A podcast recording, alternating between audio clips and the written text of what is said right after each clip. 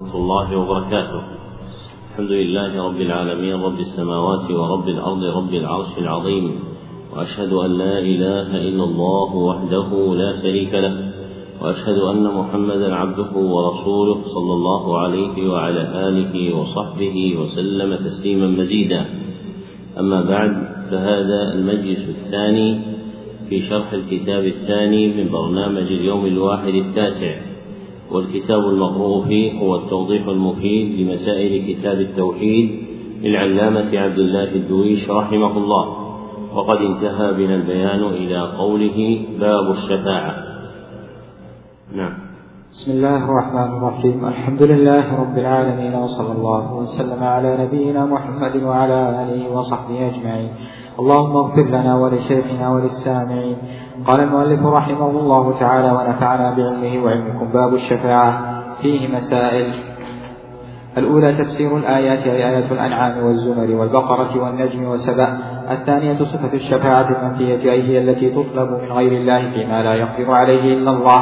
قول الشارح رحمه الله تعالى في بيان حقيقة الشفاعة المنفية هي التي تطلب من غير الله فيما لا يقدر عليه إلا الله. حد مشهور لها تنبيها إلى أشهر أنواعها. وإلا فالحد الجامع للشفاعة المنفية أنها الشفاعة الخلية من إذن الله ورضاه. فإذا خلت الشفاعة من إذن الله ورضاه كانت شفاعة منفية وهي أنواع متعددة ومنها ما ذكره الشارح تبعا لغيره. ومرجع تلك الأنواع المتعددة إلى أصلين اثنين. أحدهما الشفاعة المنفية عن الشافع. كالشفاعة المنفية عن الآلهة المزعومة التي ادعاها المشركون. والآخر الشفاعة المنفية عن المشفوع له. كالشفاعة المنفية عن الكفار. فإنه لا يشفع لهم. نعم. الله الثالثة صفة الشفاعة المثبتة أي هي التي تطلب من الله وتكون بشرطين إذن الله للشافع ورضاه عن المشفوع له. والقول في حد الشفاعة المثبتة كالقول في سابقه فإنما ذكره الشارح من أن الشفاعة المثبتة هي التي تطلب من الله أي باعتبار أصلها. وإلا فالحد الجامع للشفاعة المثبتة أنها الشفاعة المشتملة على إذن الله ورضاه وهي أنواع متعددة ومرجعها إلى أصلين أيضا.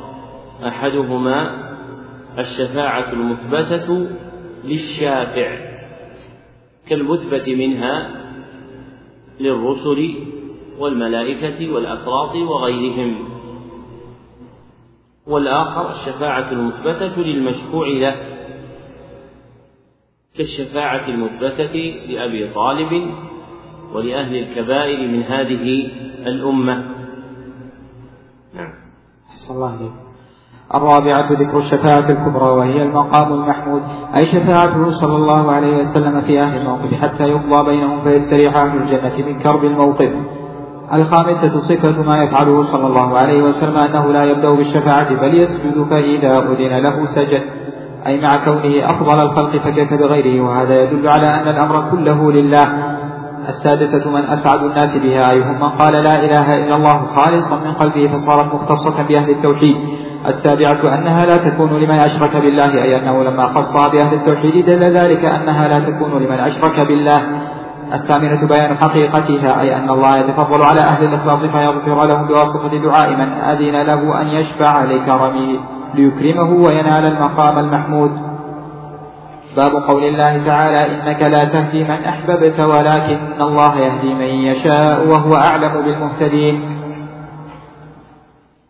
فيه مسائل تفسير إنك لا تهدي من أحببت ولكن الله يهدي من يشاء أي إنك يا محمد لا تهدي من أحببت والمراد هداية التوفيق والإلهام والقبول وإنما القادر على ذلك هو الله عز وجل وأما هداية الدلالة والإرشاد فيقدر عليها كما قال تعالى وإنك تهدي إلى صراط مستقيم قول الشارح رحمه الله في بيان الجملة المذكورة في المسألة أي أنك أي إنك يا محمد دون ذكر وصف الرسالة له من الجاري على لسان المتكلمين في التفسير وشروح الحديث.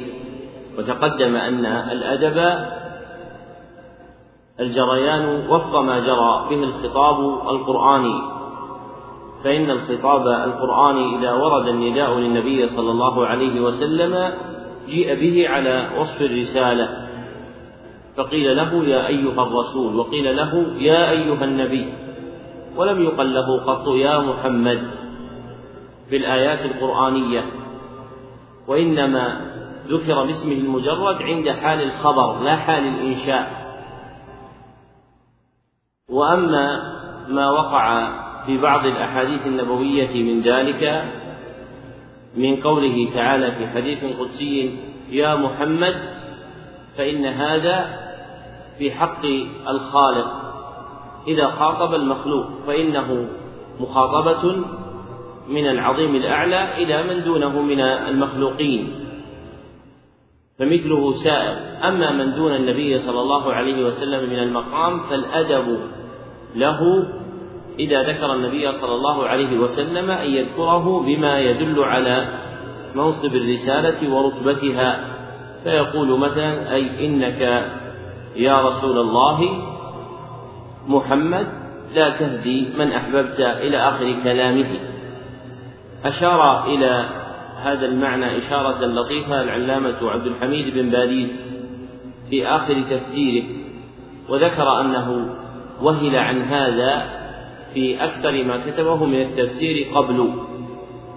والآيات تدل على المعنى الذي ذكرناه من الإجلال والتعظيم عند ذكر النبي صلى الله عليه وسلم أنه يذكر بوصف الرسالة. نعم. صلى الله عليه الثانية تفسير قوله ما كان للنبي والذين آمنوا أن يستغفروا للمشركين ولو كانوا أولي قربى من بعد ما تبين لهم أنهم أصحاب الجحيم أي ما يصلح لهم ولا ينبغي لهم أن يستغفروا للمشركين ولو كانوا أقرب الناس إليهم ما دام أنهم ماتوا على غير الإسلام. الثالثة. فسر الشارح رحمه الله قوله ما كان للنبي بقوله أي ما يصلح لهم ولا ينبغي لهم. والذي يظهر أن هذا البناء في الوضع القرآني مجعول للممتنع شرعا أو قدرا. ومنه قوله تعالى ما كان لنا أن نشرك بالله من شيء وقوله تعالى ما كان لنبي أن يغل في آيات أخرى وهو نظير التركيب الآخر لا ينبغي وما ينبغي فإن هذا التركيب إذا جاء في القرآن دل على الامتناع الشرعي أو القدري كقوله تعالى وما علمناه الشعر وما ينبغي له. أشار إلى البناء الثاني في معناه جماعة من أهل العلم منهم أبو العباس بن تيمية الحفيد وتلميذه ابن القيم في مدارج السالكين والمقريزي في تجريد التوحيد المفيد. نعم. صلى الله عليه الثالثة وهي المسألة الكبرى تفسير قل لا إله إلا الله. بخلاف ما عليه من يدعي العلم أي أن تفسيرها إفراد الله بالعبادة وترك أي أن تفسيرها إفراد الله بالعبادة وترك عبادة ما سواه. ولذلك لما فهم هذا كفار قريش لم يقولوها بخلاف من بعدهم ممن يدعي العلم فإنهم لما خفي عليهم هذا صاروا يقولونها وهم متلبسون بالشرك لظنهم أنه لا ينافيها. الرابعة أبا جهل ومن معه يعرفون مراد النبي صلى الله عليه وسلم إذا قال الرجل قل لا إله إلا الله. أن أبا جهل ومن معه الرابعة أن أبا جهل ومن معه يعرفون مراد النبي صلى الله عليه وسلم إذا قال للرجل قل لا إله إلا الله فقبح الله من أبو جهل أعلم منه بأصل الإسلام أي أنهم عرفوا مراده وهو أنه يقتضي ترك ما كانوا يعبدونه من دون الله فلذلك نهوا أبا طالب عن قولها وهذا يدل على أنهم أعلموا بأصل الإسلام من كثير من أهل هذه الأزمان. الخامسة جده صلى الله عليه وسلم مبالغته في إسلام عمه أي أنه لما قال قل لا إله إلا الله حج لك بها عند الله ثم أعاد ذلك عليه دل على شدة مبالغته صلى الله عليه وسلم في ذلك. السادسة الرد على من زعم إسلام عبد المطلب وأسلافه أي كونهم عرضوا قول النبي صلى الله عليه وسلم لعمه قل لا إله إلا الله بقوله ما ترغب عن ملة عبد المطلب. دل ذلك على أنها منافية للإسلام وأن عبد المطلب غير مسلم. السابعة كونه صلى الله عليه وسلم استغفر له فلم يغفر فلم يغفر له بل نهي عن ذلك. أي لقوله لا استغفرن لك ما لم أنه عنك. حتى نزل قوله ما كان للنبي والذين آمنوا أن يستغفروا للمشركين. الثامنة مضرة أصحاب السوء على الإنسان أي أن أبا جهل ومن معه نهوا عن قول لا إله إلا الله وقالوا له ما قالوا فصار جلوسهم في تلك الحال عنده مضرة عليه. التاسعة مضرة تعظيم الأسلاف والأكابر أي لما كانت ملة عبد المطلب معظمة عند أبي طالب امتنع عن الإسلام بسببها ولو كان لا يعظمها لما شق عليه أن يرغب عنها. ومحل هذه المضرة إذا كان ما هم عليه مخالفا للأمر الشرعي. أما إن كانوا موافقين للأمر الشرعي فإن دلائل الشرع على الأمر باتباع الأكابر. فالمسألة التي ذكرها صاحب الأصل مقيدة بكون ذلك واقعا على خلاف الأمر الشرعي فيضر تعظيم الأسلاف والأكابر إذا كانوا مخالفين لأمر الله. أما إذا كانوا مقيمين عليه فإن دلائل الشرع متظاهرة في الأمر باتباع الأكابر. نعم. أحسن الله إليك العاشرة استدلال الجاهلية بذلك أي أن أبا جهل ومن معه استدلوا بتعظيم أبي طالب لملة عبد المطلب فجعلوها أعظم حائل بينه وبين قول لا إله إلا الله الحادية عشرة. الشاهد لكون الأعمال بالخواتيم لأنه لو قالها لنفعته أي لقوله في الحديث يحاج لك بها عند الله فدل على أنها تنفعه لو قالها في تلك الحال. الثانية عشرة. التأمل في كبر هذه الشبهة في قلوب الضالين لأن في القصة أنهم لم يجادلوه إلا بها مع مبالغته صلى الله عليه وسلم وتكريره فلأجل عظمتها ووضوحها عندهم اقتصروا عليها. أي قولهم أترغب عن ملة عبد المطلب. باب ما جاء أن سبب كفر بني آدم وتركهم دينهم هو الغلو في الصالحين. فيه مسائل. الأولى أن من فهم هذا الباب وبابين بعده. تبين له غربة الإسلام وراء ورأى من قدرة الله وتقليبه للقلوب العجب. أي من فهم باب سبب الكفر هو أي من فهم باب سبب الكفر هو الغلو في الصالحين والتغليظ في من عبد الله عند قبر رجل صالح وأن الغلو في قبور من فهم بأن سبب الكفر؟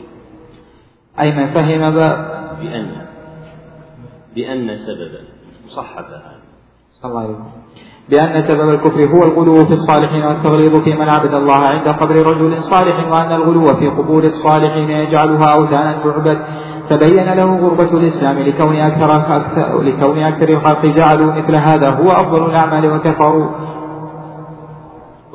وكفروا. من نهى وهذا من قدرة الله وتقليبه للقلوب لما أعرضت عن الشرع ولم تؤمن به كما قال تعالى ونقلب أفئدتهم وأبصارهم كما لم يؤمنوا به أول مرة ونذرهم في طغيانهم يعمهون.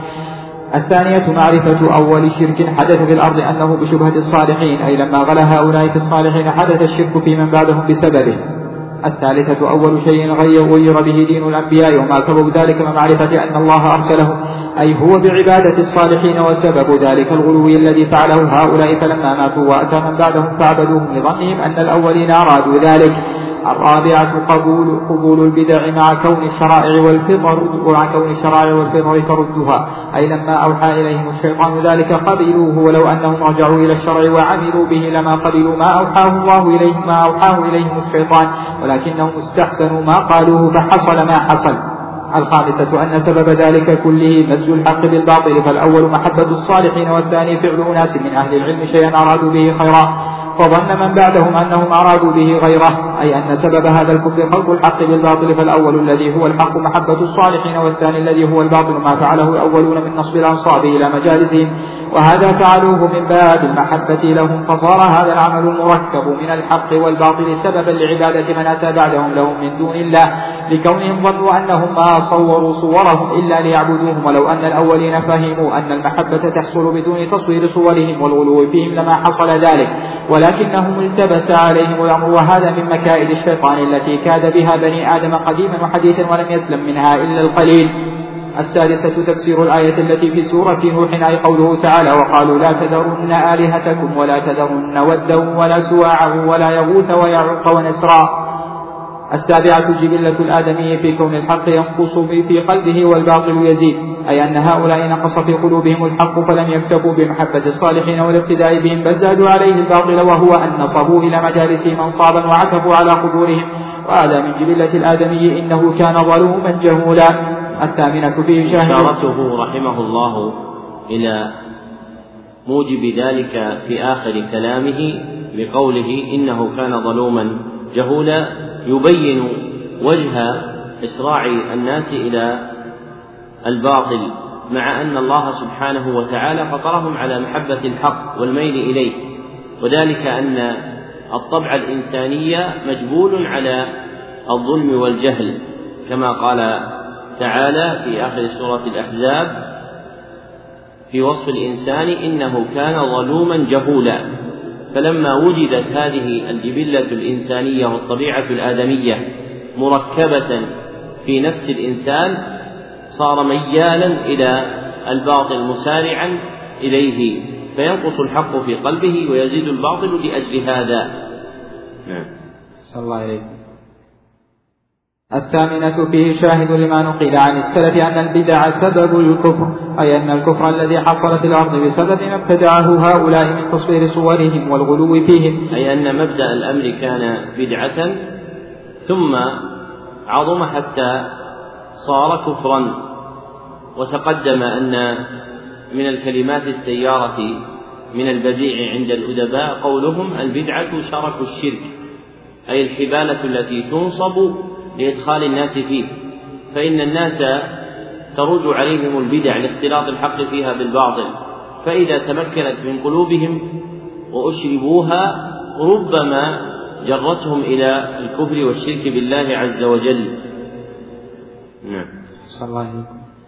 التاسعة معرفة الشيطان بما تؤول إليه البدعة ولو حسن قصد الفاعل. أي لما عرف الشيطان أن ما تؤول إليه البدعة هو الكفر حسنها لهم ولم ينظر إلى حسن مقصدهم فيفسده عليهم بل زادهم رغبة فيه حتى يحصل ما يريد من الكفر. العاشرة معرفة القاعدة الكلية وهي النهي عن الغلو ومعرفة ما يؤول إليه. أي القاعدة الجامعة تقتضي النهي عن الغلو مطلقا لأنه يؤول إلى الكفر.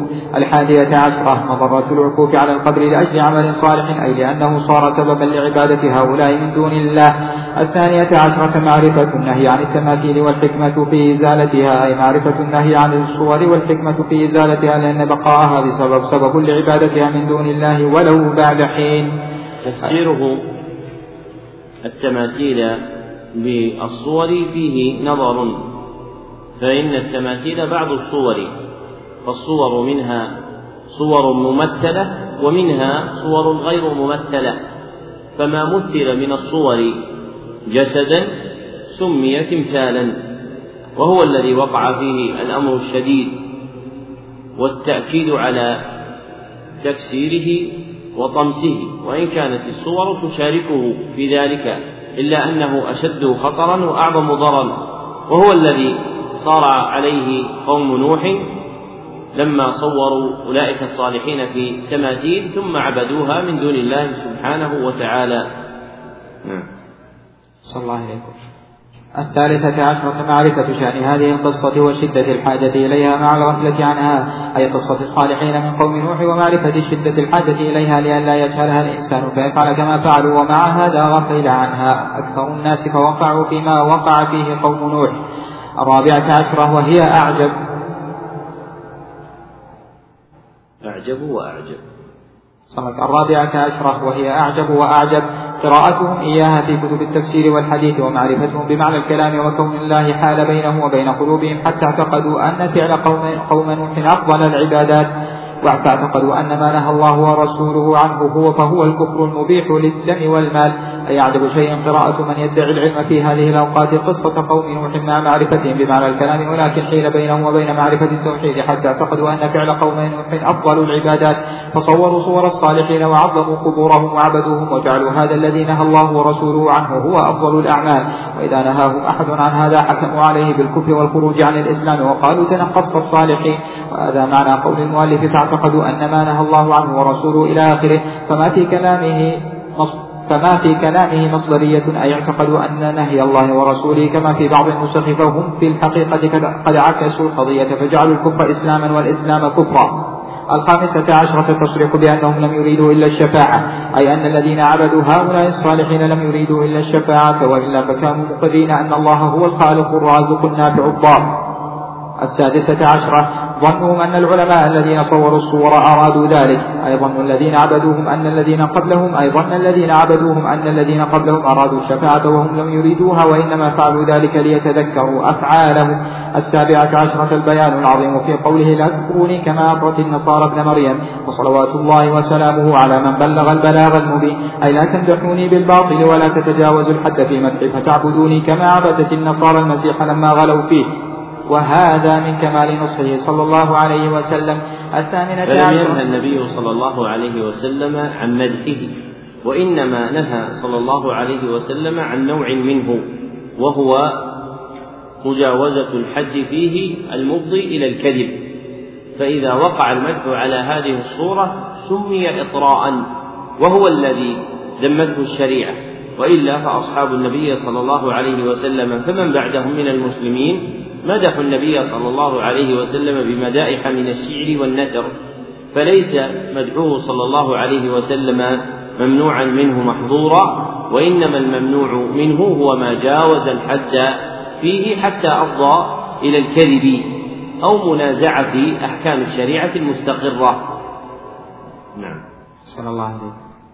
الثامنة عشرة نصيحته إيانا بهلاك المتنطعين أي المتكلفين المتشددين في غير موضع التشديد ومن التنطع رفع رفع المخلوق فوق منزلته التاسعة عشرة. التصريح بأنها لم تعبد حتى نسي العلم ففيها بيان معرفة قدر وجوده ومضرة فقده أي أن صور هؤلاء الصالحين وأنصابهم لم تعبد حتى فقد فقد العلم فيؤخذ منه معرفة قدر وجود العلم ومضرة ذهابه لأنه بوجوده حصل التوحيد وبفقده وجد الشرك. العشرون أن سبب فقد العلم موت العلماء أي إذا ذهب أهله فقد فقد كما في الحديث الصحيح إن الله لا يقبض العلم انتزاعا ينتزعه من صدور الناس ولكن يقبض العلماء ولكن يقبض العلم بقبض العلماء الحديث.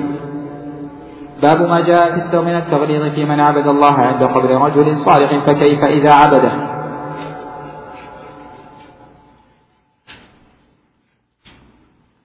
فيه مسائل. الأولى ما ذكر ما ذكر الرسول صلى الله عليه وسلم في من بنى مسجدا يعبد الله فيه عند قبر رجل صالح ولو صحت نية الفاعل. أي ذكر أنهم شرار الخلق عند الله ولعنهم على ذلك. الثانية النهي عن التماثيل وغلظ الأمر في ذلك أي الصور لقوله وصوروا فيها تلك الصور وغلظ الأمر بقوله أولئك وغلظ الأمر بقوله أولئك شرار الخلق عند الله. الثالثة العبرة في مبالغته صلى الله عليه وسلم في ذلك كيف بين لهم هذا أولا ثم قبل ثم قبل موته بخمس قال ما قال ثم لما كان في السياق لم يكتف بما تقدم أي أنه بالغ في النهي عن العبادة عند القبور فذم الذين يبنون المساجد على قبور أنبيائهم ويصورون صورهم. ثم قبل موته بخمس ليال نهى عن اتخاذ القبور مساجد كما في حديث جندب. ثم لما كان في السياق نهى عنه كما في حديث عائشة لما نزل برسول الله صلى الله عليه وسلم إلى آخره. قوله لما كان في السياق أي في حال الاحتضار. نعم. صلى الله عليه الرابعة نهيه عن فعله عند قبره قبل أن يوجد القبر أي لقولها يحذر يحذر ما صنعوا إلى آخره. الخامسة أن من سنن اليهود والنصارى في قبور أنبيائهم أي لقوله قاتل الله اليهود والنصارى اتخذوا قبور أنبيائهم مساجد. السادسة له صاحب الأصل أن ذلك من سنن اليهود والنصارى في قبور أنبيائهم وتبعه عليه الشارح يعكره أن النصارى ليس فيهم إلا نبي واحد وهو عيسى ابن مريم عليه الصلاة والسلام وليس فيهم غيره. فليست مريم ولا الحواريون أنبياء وإنما كان نبيهم هو عيسى عليه الصلاة والسلام. فأشكل هذا على جماعة من المتكلمين في معاني الحديث. والجواب عن ذلك من وجوه. أحدها أن المحفوظ في الحديث اللفظ المتفق عليه وفيه ذكر اليهود فقط قاتل الله اليهود. وأما زيادة النصارى فعند مسلم وحده. ومن المرجحات عند وقوع الإشكالات تقديم اللفظ المتفق عليه على من فرد به أحدهما. والثاني أن ذلك مفسر بما وقع في صحيح مسلم. اتخذوا قبور أنبيائهم وصالحيهم مساجد. والنصارى فيهم صالحون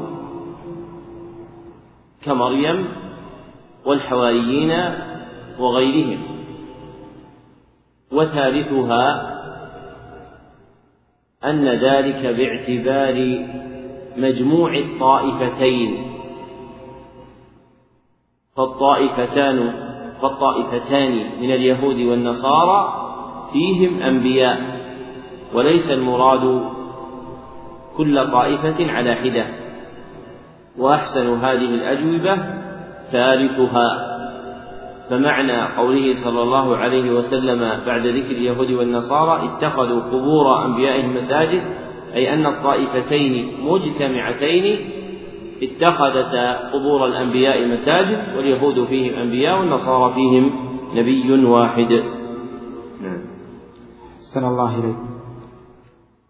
السادسة لعنه إياهم على ذلك أي قوله لعنة الله على اليهود والنصارى. السابعة أن مراده تحذيره إيانا عن قبره أي أنه لعنهم تحذيرا لنا أن نفعل عند قبره مثل ما فعلوا فيصيبنا من اللعنة ما أصابهم. الثامنة العلة في عدم إبراز قبره أي هي ما ذكره من الوعيد على اليهود والنصارى حيث اتخذوا قبور أنبيائهم مساجد فصار هذا سببا في عدم إبراز قبره لئلا يتخذ مسجدا. التاسعة في معنى اتخاذها مسجدا أي بإيقاع الصلاة عندها تكون قد اتخذت مساجد العاشرة أنه قرن بين من اتخذها مساجد وبين من تقوم عليه. الساعة فذكر الذريعة إلى الشرك قبل وقوعه مع خاتمته.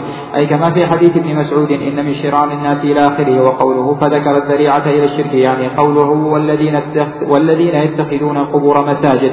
لأنه ذريعة ووسيلة إلى الشرك وقوله مع خاتمته يريد قوله من تقوم عليهم الساعة لأنها لا تقوم إلا على شرار الخلق كما ثبت في الحديث وخاتمة ذلك هي الشرك وأهله شرار الخلق الذين تقوم عليهم الساعة. الحادية عشرة ذكره في خطبته قبل موته بخمس ذكره. في خطبته قبل موته بخمس الرد على الطائفتين اللتين هما أشر شرار أهل البدع بل أخرجهم بعض أهل العلم من الثنتين والسبعين فرقة. وهم الرافضة والجهمية وبسبب الرافضة حدث الشرك وعبادة القبور وهم أول من بنى عليها المساجد.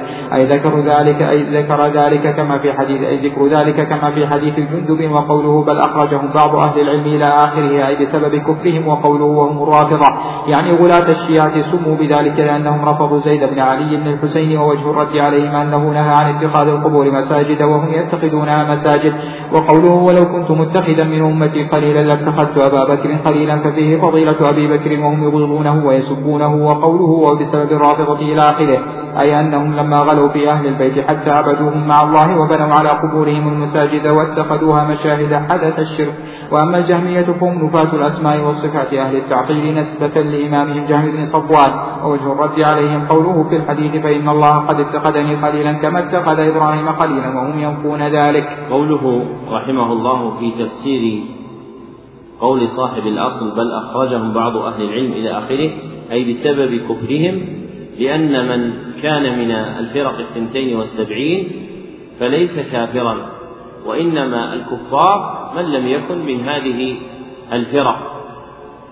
فأهل هذه الفرق متوعدون بالنار ووعيدهم بالنار لا يعني كفرهم بل هو من جنس الآيات والأحاديث الواردة في الوعيد على فعل أفعال محرمة. إذا فعلها المؤمن كان متوعدا بدخول النار. فمن كان من أهل الفرق فهو خارج عن السنة لكنه ليس خارجا عن الملة. أما من خرج عن الملة فلا يكون من الفرق. والشريعة رتبت ثلاثة أسماء تتعلق بها أحكام الخلق. أحدها الجماعة وهو اسم للباقين على الدين الذي كان عليه النبي صلى الله عليه وسلم. ولهم أسماء أخرى. كأهل السنة وأهل الحديث وأهل الأثر وغيرها. والثاني الفرقة وهو اسم لمن خرج عن الجماعة ولم يخرج عن الملة. فهو من أهل الأهواء وليس من الكفار. وثالثها الملة. وهي اسم لمن كان خارجا عن الإسلام إما بارتداده أو بأصل دينه. فمن خرج عن الإسلام إلى غيره من الدين القديم أو الجديد كان من أهل الملل. وكذلك الأديان المفارقة للإسلام كاليهودية والنصرانية أهلها من أهل الملل. وهذه الأسماء هي الموضوعة في الشرع للدلالة على هذه المعاني وعليها ترتب الأحكام. أما المصطلحات المعاصرة كالمنهج والفكر والطريقة والمدرسة وغيرها من الأسماء التي تروج عند المتكلمين في العقائد فإنه يرد عليها أغاليط بسبب عدم وضوح دلالة المصطلح على ما يندرج تحتها بخلاف الحقائق الشرعية التي قدرت شرعا. فجاء في الشرع اسم الجماعة واسم الفرقة واسم الملة للدلالة على ذلك. نعم. الله عليكم الثانية عشرة ما بلي به صلى الله عليه وسلم من شدة النزع كما في حديث عائشة فإذا اغتم بها كشفها. الثالثة عشرة ما أكرم به من القلة أي لقوله فإن الله قد اتخذني خليلا. الرابعة عشرة التصريح بأنها أعلى من المحبة أي لكونه نفى أن يتخذ أحد من أهل الأرض خليلا. نفى أن يتخذ صلى أي لكونه نفى أن يتخذ أحدا من أهل الأرض خليلا مع إخباره بحبه لعائشة وأبيها وغير واحد من الصحابة. الخامسة عشرة التصريح بأن الصدق بأن الصديق أفضل الصحابة أي لقوله لاتخذت أبا بكر خليلا. السادسة عشرة الإشارة إلى خلافته أي لما خصه بهذه المنقبة العظيمة دل ذلك على الإشارة إلى أنه أحق بالخلافة من غيره مع غيرها من الفضائل التي اختص بها. باب ما جاء أن الغلو في قبور الصالحين يصيرها يصيرها أوثانا تعبد من دون الله. فيه مسائل. الأولى تفسير الأوثان أي أنها ما بوشر بالعبادة سواء كان منحوتا على صورة أم لا. فالوثن اسم لكل ما عبد من دون الله عز وجل. فإن كان على صورة سمي صنما وإلا كان وثنا. وذكر في الفرق بين الوثن والصنم أشياء أخرى لكن أجلاها هو هذا الفرق أن الوثن عام في كل معبود وأن الصنم مختص في معبود له صورة. وأصل الوثن مأخوذ من قولهم استوثن الشيء إذا قوي. استوثن الشيء إذا قوي. لأن هذه المعبودات تقوى في نفوس أصحابها فيعظمونها ويعبدوها من دو فيعظموها ويعبدوها من دو ويعبدون فيعظمونها ويعبدونها من دون الله عز وجل. نعم. أحسن الله إليكم. الثانية تفسير العبادة أي إنها الإقبال عليه بالدعاء والصلاة وغيرهما بسبب اتخاذ قبره مسجدا كما جرى من اليهود والنصارى. الثالثة أنه صلى الله عليه وسلم لم يستعد إلا مما يخاف وقوعه أي لما وقع من اليهود والنصارى ما وقع خاف أن يقع من أمته عند قبره مثل ذلك فدعا الله أن لا يجعل قبره وثنا يعبد. الرابعة قرنه بهذا اتخاذ قبور الأنبياء مساجد أي لأن اتخاذها مساجد سبب لجعلها أوثانا ففيه تحذير أمته من مباشرة قبره واتخاذه مسجدا فيجرهم ذلك إلى جعله وثنا يعبد الخامسة ذكر شدة الغضب من الله أي لأن هذا من أعظم الذرائع إلى الشرك الذي هو أعظم الذنوب وأقبح القبيح. السادسة وهي من أهمها صفة معرفة معرفة عبادة الله التي هي من أكبر الأوثان أي أن صفة عبادته هي العكوف عند قبره. السابعة معرفة أنه قبر رجل صالح أي لكونه يلب السويق للحاج الثامنة أنه اسم صاحب القبر وذكر ذكر معنى التسمية أي أن اللات اسم صاحب القبر وأما معنى التسمية فهي أنه كان يلد السويق فلما مات عبد عبد الدقيق قبره وقالوا هو اللات. ما ذكره صاحب الأصل وتبعه الشارح يخالف في ظاهره ما تقدم في باب من تبرك بشجر أو حجر ونحوهما أن اللات صخرة بيضاء ولا خلاف بينهما. بل اللات اسم للصخرة وللرجل. فقد سمي الرجل بها أولا باعتبار عمله الذي كان يعمله فإنه كان يلت السويق للحاج ويصلحه لهم. ثم لما مات سميت هذه الصخرة باللات نسبة إليه إليه فكأن التقدير صخرة اللات أي الرجل الذي اسمه اللات. فهو اسم للرجل ثم صار اسما للصخرة لما بينهما من المجاورة والمناسبة. ولم يثبت من وجه وثيق اسم هذا الرجل وإنما هو لقب له. فقيل هو عمرو بن لحي الخزاعي وقيل غيره. والأشبه أنه ليس عمرا. وإنما هو رجل آخر. وإنما هو رجل آخر. نعم. الله التاسعة لعنه زوارات القبور أي نساء أي نساء التي يزرن القبور. العاشرة لعنه من أسرجها اتخذ عليها السرج لأنه من الغلو فيها الذي هو سبب لعبادتها من دون الله. باب ما جاء في حماية المصطفى صلى الله عليه وسلم جناب التوحيد وسده كل طريق يوصل إلى الشرك. فيه مسائل. الأولى تفسير آية براءة أي قوله تعالى لقد جاءكم رسول من أنفسكم الآية والشاهد منها أنه لما وصفه الله بهذه الصفات دل ذلك على أنه قد بين لهم التوحيد والشرك قد بين لهم التوحيد والشرك وسد الذرائع الموصلة إليه. الثانية إبعاده أمته عن هذا الحمى غاية البعد أي من حرصه على هداية أمته ورأفته بهم أبعدهم عن الشرك وسد, وسد جميع الوسائل الموصلة إليه. الثالثة ذكر حرصه علينا ورأفته ورحمته. ورأفته ورحمته أي لقوله حريص عليكم بالمؤمنين رؤوف رحيم أي حريص على هدايتنا ووصول النفع الدنيوي والأخروي إلينا. الرابعة نهيه عن زيارة قبره على وجه مخصوص مع أن زيارته من أفضل الأعمال أي أنه نهى عن زيارة قبره إذا كان على خلاف المشروع كمن يشد الرحل للزيارة أو يتخذه عيدا وقوله مع أن زيارته من أفضل الأعمال أي أن زيارة القبور على وجه المشروع سنة كما في الحديث زوروا القبور وإذا كان كذلك فهو عمل فاضل وقبره صلى الله عليه وسلم منها وليس معناه أنه أفضل الأعمال مطلقا. قوله في بيان ذلك وإذا كان كذلك فهو عمل فاضل وقبله صلى الله عليه وسلم منها يبين قول صاحب الأصل مع أن زيارته من أفضل الأعمال أي لاندراجها تحت عمل فاضل ممدوح وهو زيارة القبور. فإن زيارة القبور من الأعمال المطلوبة شرعا التي يؤجر عليها فاعلها. فإذا زار العبد قبر النبي صلى الله عليه وسلم بهذه النية صار مندرجا تحت هذا الأصل الكلي دون شد رحل نعم.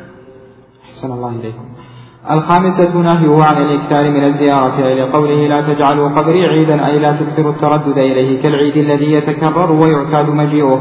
السادسة حثه على النافلة في البيت أي لقوله لا تجعلوا بيوتكم قبورا أي لا تعطلوها من صلاة النافلة فتكون بمنزلة القبور.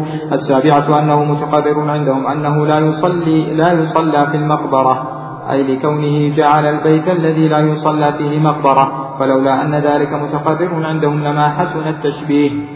الثامنة تعليله ذلك بأن صلاة الرجل وسلامه عليه يبلغه وإن بعد فلا حاجة إلى ما يتوهمه من أراد القرب.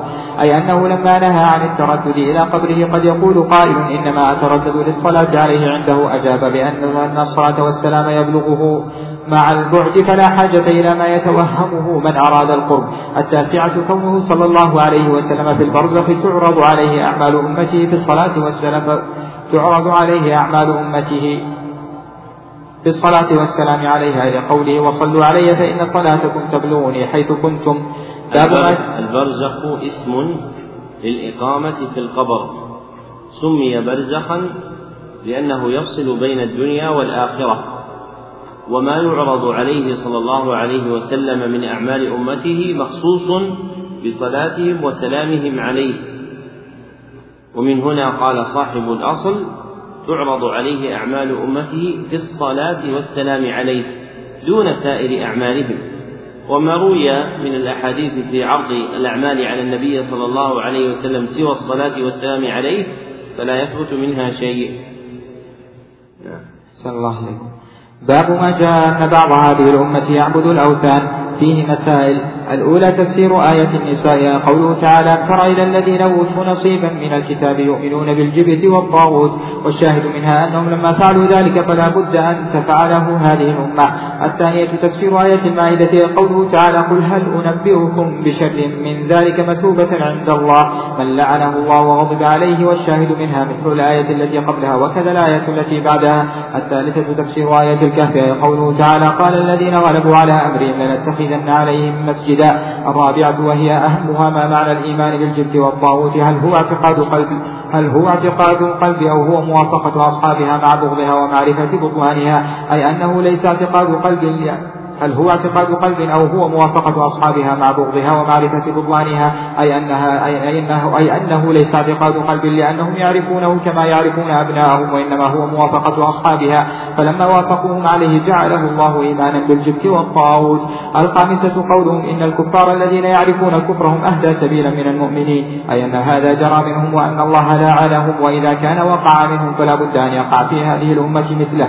فلا بد أن يقع في هذه الأمة مثله وهذا هو الشاهد للترجمة. السادسة وهو أنه هي المقصود بالترجمة أن هذا لا بد أن يوجد في هذه الأمة كما تقرر في حديث أبي سعيد.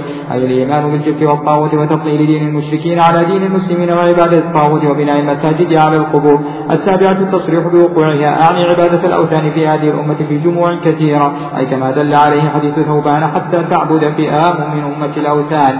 الثامنة العجب العجاب. خروج من يدعي النبوة مثل المختار مع تكلمه بالشهادتين وتصريحه بأنه من هذه الأمة.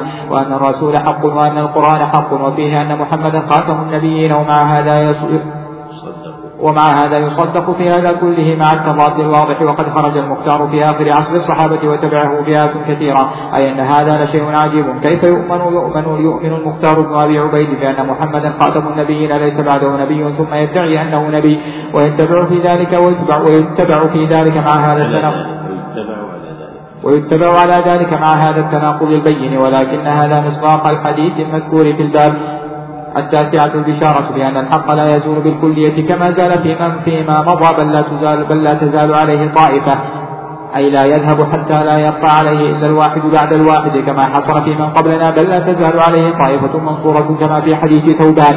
العاشرة الآية العظمى أنهم مع قلتهم لا يضرهم من خذلهم ولا من خالفهم أي كما دل عليه الحديث.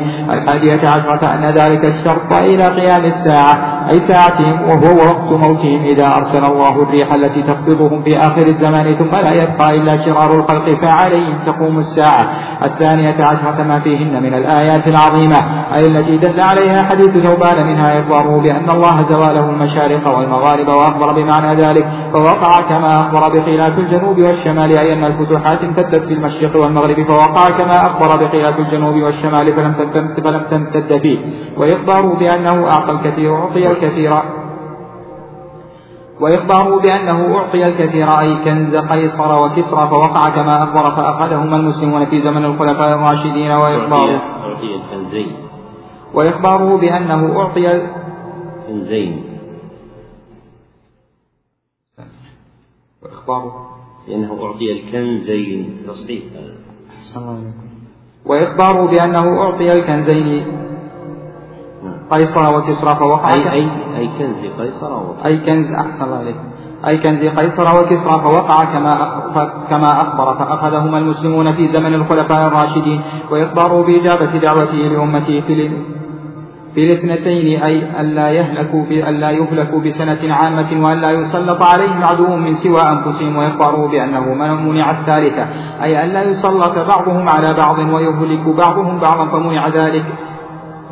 فسلط بعضهم فسلط بعضهم على بعض وإخباره بوقوع السيف وأنه لا يرفع إذا وقع أي وهكذا وقع فإنه لما قتل عثمان بن عفان وقع السيف ولم يرفع ولكنه يقل تارة ويكثر أخرى. وإخباره بظهور المتنبئين في هذه الأمة أي فوقع ذلك مثل خروج الأسود العنسي ومسيلمة الكذاب والمختار بن أبي عبيد وأمثالهم. وإخباره ببقاء الطائفة المنصورة أي القائمين بالحق الذين هم على الحق وكل هذا وقع كما أخبر مع أن كل واحدة منها من أبعد ما يكون في العقول أي لكونه غيبا لا يعلمه إلا الله إلا من ارتضى من رسول فإنه يسلك من بين يديه ومن خلفه رصدا الآية ما ينطق عن الهوى إن هو إلا وحي يوحى.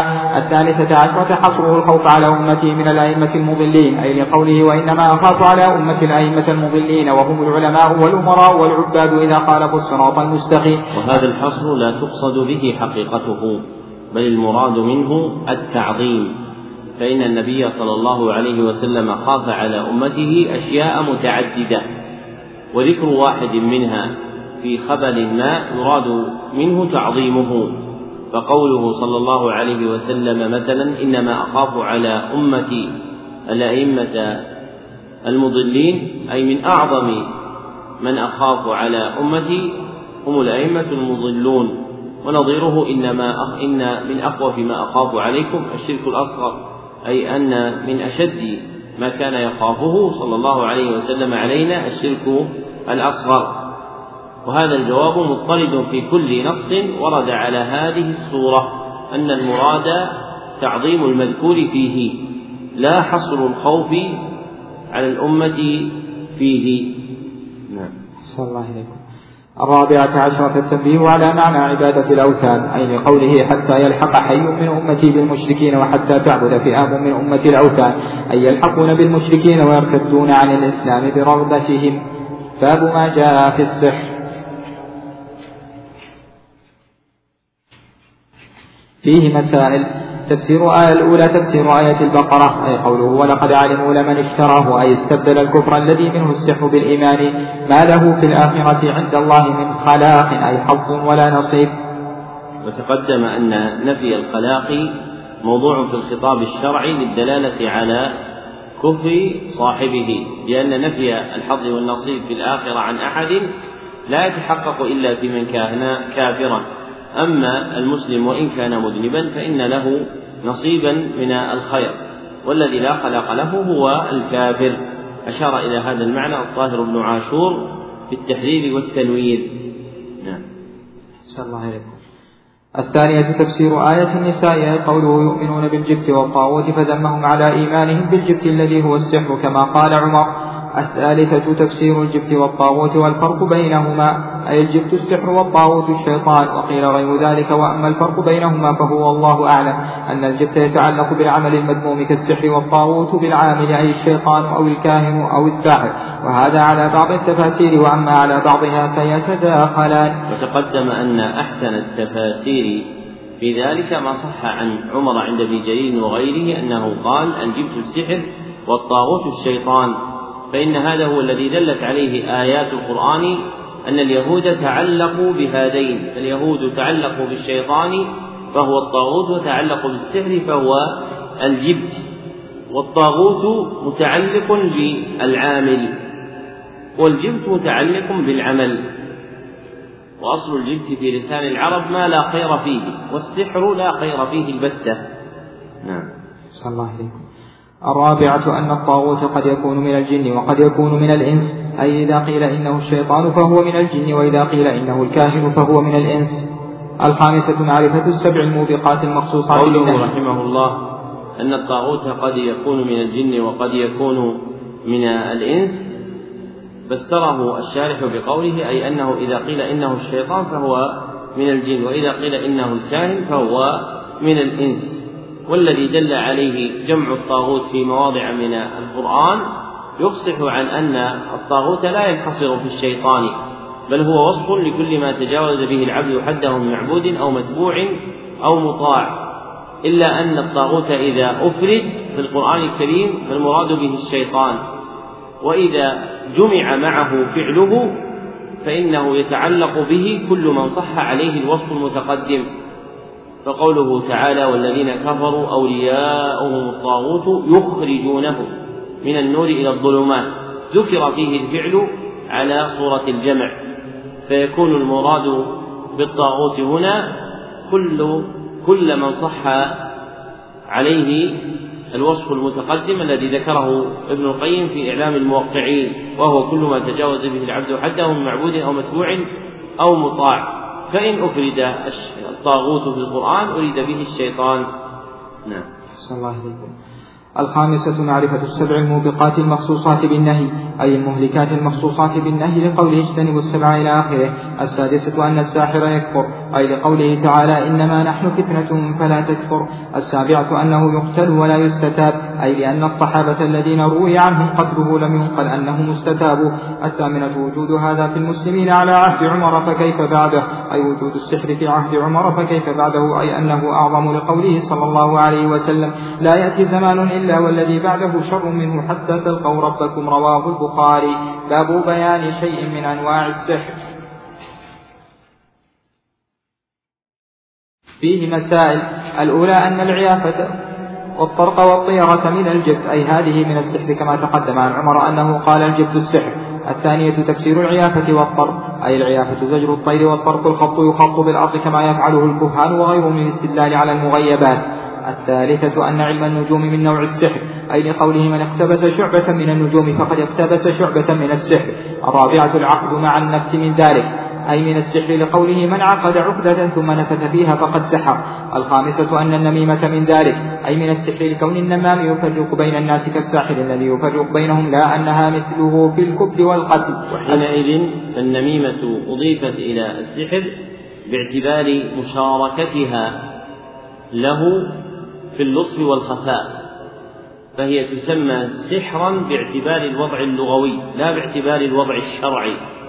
فإن السحر باعتبار الوضع الشرعي مخصوص برقى ينفث فيها ويعزم بها على الشياطين. وأما في لسان العرب فالسحر اسم لما خفي ولطف والنميمة كذلك خفيفة لطيفة وهي مشاركة للسحر من جهتين الأولى من جهة المبدأ فإن مبتدأ كل واحد منهما الخفاء فإن الساحر يعقد عقده وينفث فيها عازما على الشياطين خفاء. وكذلك النميمة تسري في الخفاء والأخرى باعتبار المنتهى. فإن مآل النميمة والسحر هو التفريق بين الناس.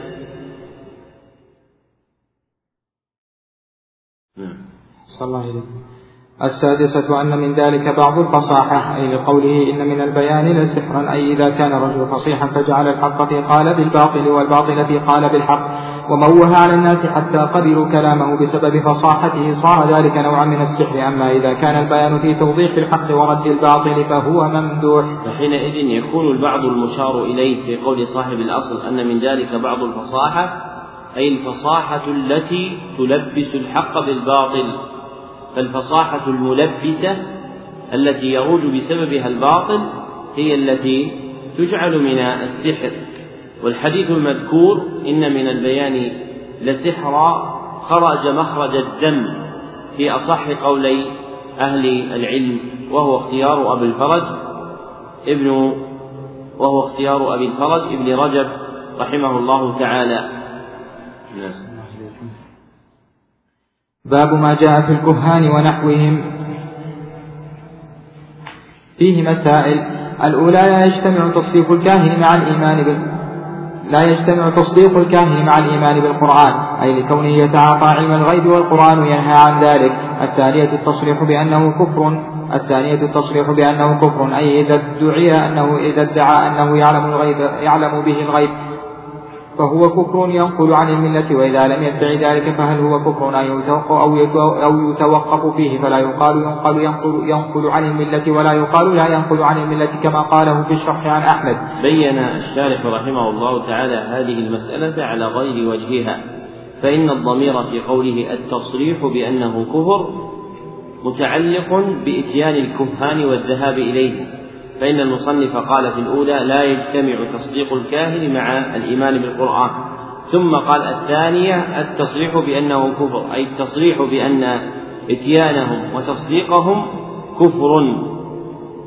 فمتعلق المسألة هو الذاهب إلى الكهان المصدق لهم وليس متعلقها الكاهن نفسه. ومن أتى الكهان فسألهم فصدقهم فهو كافر اتفاقا لكن اختلفوا في كفره أهو كفر أكبر أم كفر أصغر؟ على قولين أصحهما أن كفره كفر أصغر لأنه لو كان كفرا أكبر لم تنفعه الصلاة ولا صحت منه أبدا. والنبي صلى الله عليه وسلم قال في حديث بعض أزواجه عند مسلم من أتى عرافا فسأله عن شيء لم تقبل له صلاة أربعين ليلة هذا لفظ مسلم. ولفظ أحمد من أتى عرافا فسأله فصدقه لم تقبل له صلاة أربعين يوما. وزيادة فصدقه صحيحة وهي دالة على أن من سأل عرافا وما كان من جنسه فصدقه أنه لم يخرج من الإسلام لأنه لو كان خارجا من الإسلام لما قيل لم تقبل له صلاة أربعين يوما بل لا تقبل له صلاة البتة. وهو مطالب في هذه الأربعين بأن يصلي صلواتها لكنها لا تقبل منه أي لا يتاب ولا يجر عليها فتبرأ ذمته بفعلها لكن لا ثواب له عليها. نعم.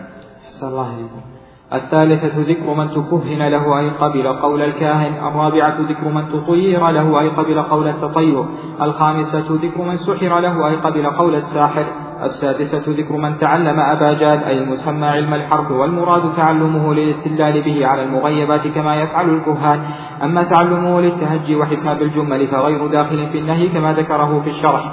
السابعة ذكر الفرق وهيئة علم الحرف أنهم يقطعون أحرف الهجاء المعروفة بكتابتها على الرمل خاصة ثم ينظرون في مواقع هذه الحروف في منازلها في النجوم ويستدلون بها على الأحوال القدرية المتعلقة المتعلقة بالمغيبات وهذا هو الذي ذكر فيه ابن عباس رضي الله عنهما ما ذكر. أما تعلم حروف أبا جاد وهي أبجد هوز إلى آخرها لأجل التهجي أو حساب الجمل وهو حساب معروف عند العرب وضع فيه كل حرف قبالة عدد من الأعداد فهذا لا بأس به. نعم. صلى الله عليكم السابعة ذكر الفرق بين الكاهن والعراف أي أن الكاهن هو الذي يخبر عن المغيبات في المستقبل والعراف الذي يدعي معرفة الأمور بمقدمات يستدل بها وقيل إنهما بمعنى واحد. باب الصحيح أن الكاهن والعراف يشتركان باعتبار ما يدعيانه من الاطلاع على الغيب ويفترقان باعتبار الآلة التي توصلهما إليه. فإن العراف يقتبس علمه من تعرف أشياء ظاهرة يستدل بها على مغيب. وأما الكاهن فإنه يتكهن أي يتخرص متوقعا. أشياء تكون في مستقبل الأيام. نعم.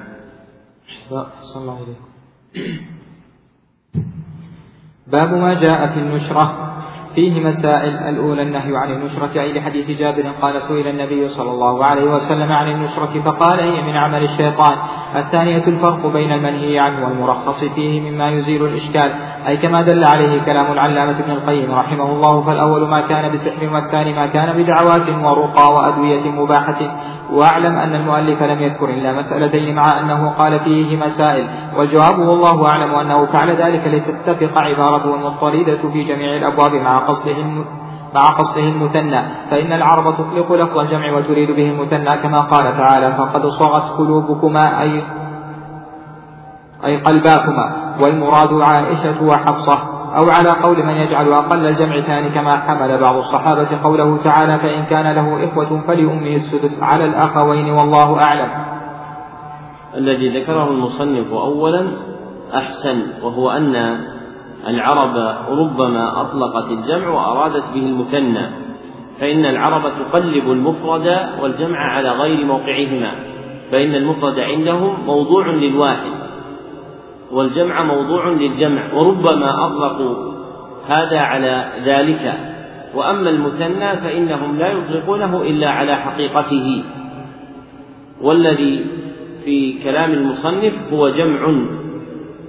أريدت به التثنية في هذا الموضع فقوله, فقوله فيه مسائل لا ينافي كون المذكور فيه هو مسألتان فقط لأن ذكر المسألتين يصح عليه اسم المسائل من جهة أن العرب ربما ذكرت الجمع تريد به التثنية وموجب ذلك التعظيم له لأنك إذا جمعت الواحد أو الاثنين فقد عظمت ما جمعت. ففي قوله فيه مسائل تعظيم للمذكور فيه وإن كانتا مسألتين فقط.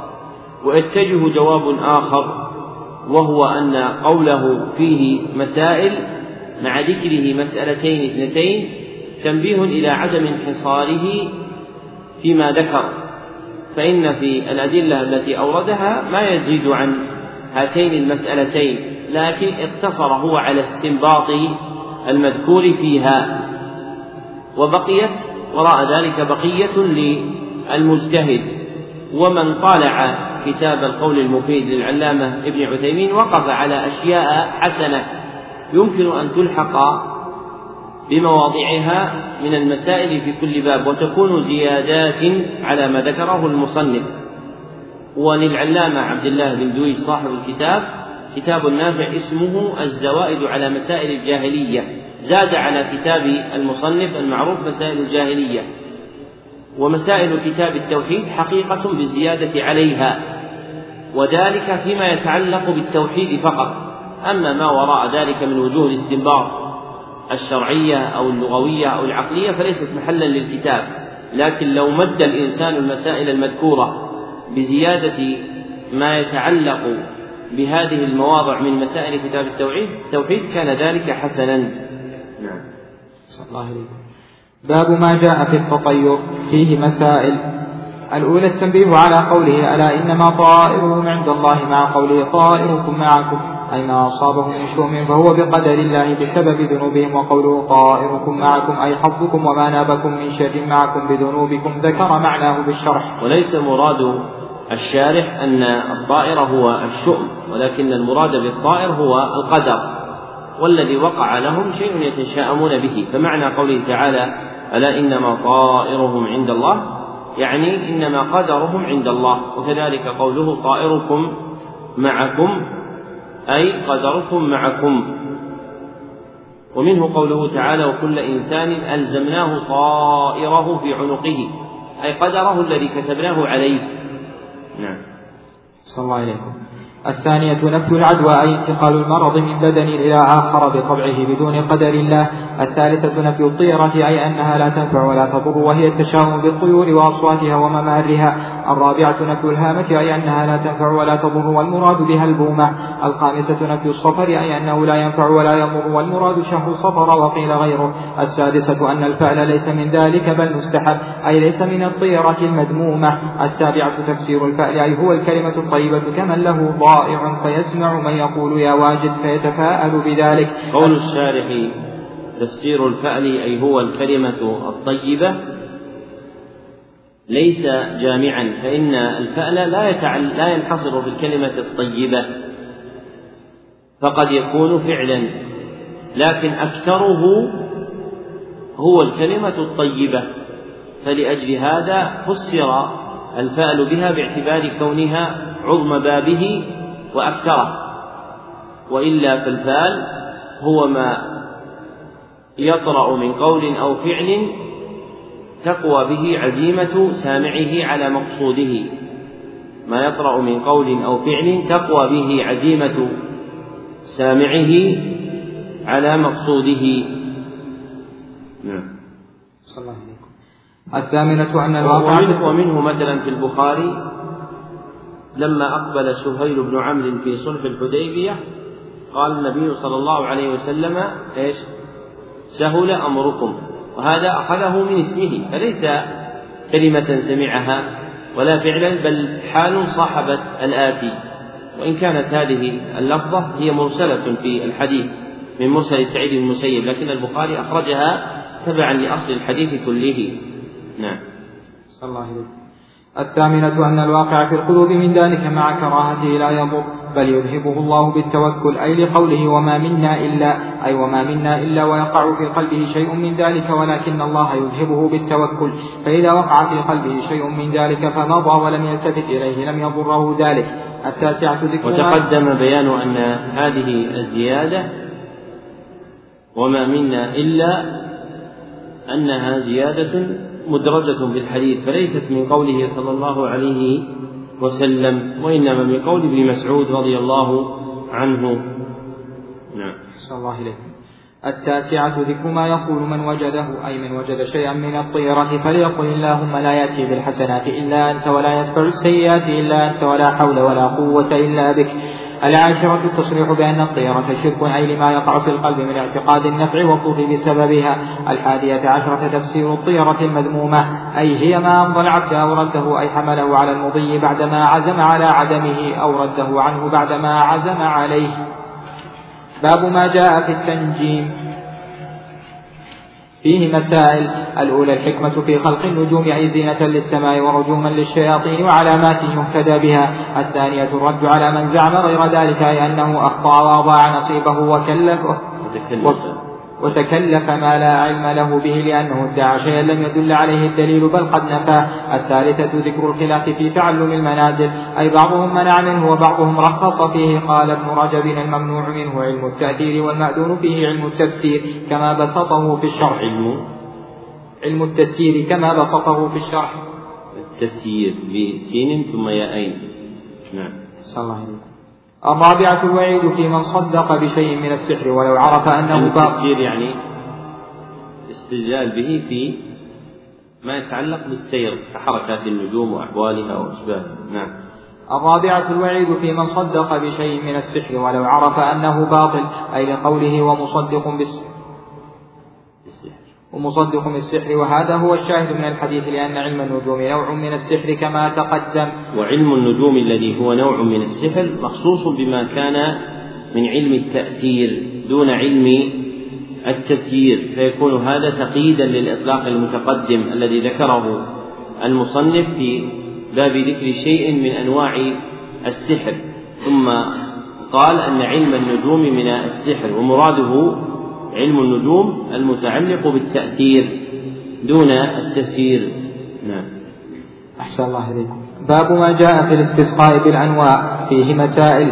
الأولى تفسير آية الواقعة أي قوله تعالى وتجعلون رزقكم أنكم تكذبون. أي تجعلون شكركم على هذه النعمة أنكم تكذبون تقولون مطرنا بنوع كذا وكذا. الثانية ذكر الأربع التي من أمر الجاهلية أي الفخر بالأحساب والطعن بالأنساب والاستسقاء بالأنواع والنياحة على الميت. الثالثة ذكر الكفر في بعضها أي مثل الاستسقاء بالأنواع والطعن في النسب والنياحة. الرابعة أن من الكفر ما لا يخرج من الملة أي مثل الطعن في النسب والنياحة. الخامسة قوله أصبح من عبادي مؤمن بي وكافر بسببي. أصبح من عبادي مؤمن بي وكافر بسبب نزول النعمة. صلى الله عليه الخامسة قوله أصبح من عبادي مؤمن بي وكافر بسبب نزول النعمة أي لما نزلت النعمة منهم من آمن لما أضافها إلى فضل الله ورحمته ومنهم من كفر لما أضافها إلى النوء. السادسة التفطن للإيمان في هذا الموضع أي هو إضافة النعمة إلى الله والاعتراف بذلك. السابعة التفطن للكفر في هذا الموضع أي هو إضافة النعمة إلى غير الله لكونه إنكارا لها وإشراكا في الربوبية. الثامنة يكون حين ذلك كفرا أصغر. ويسمى كفر إيش؟ النعمة. ويسمى كفر النعمة. قال أبو العباس ابن تيمية الحفيد في شرح العمدة هذا لم يقله أحد من السلف. وذكر الشيخ محمد بن عبد الوهاب في رسالة له في الدرر السنية لما ذكر أحد السائلين له الكفر الأصغر أنه كفر النعمة قال وهذا خطأ رده الإمام أحمد ووجه كونه خطأ ما بينه شيخ الإسلام في شرح العمدة أنه إن أريد بكفر النعمة جحدها فهو كفر أكبر لا نزاع فيه وإن أريد به التقصير في شكر ما يجب لله عز وجل فلا يختص ذلك بعمل من الأعمال فمن الغلط الجاري تسمية الكفر الأصغر بكفر النعمة. فكفر النعمة قد يكون أكبر وقد يكون أصغر ولا يختص بالأصغر. والمنبه إلى ذلك كما سلف هما ابن تيمية وابن عبد الوهاب.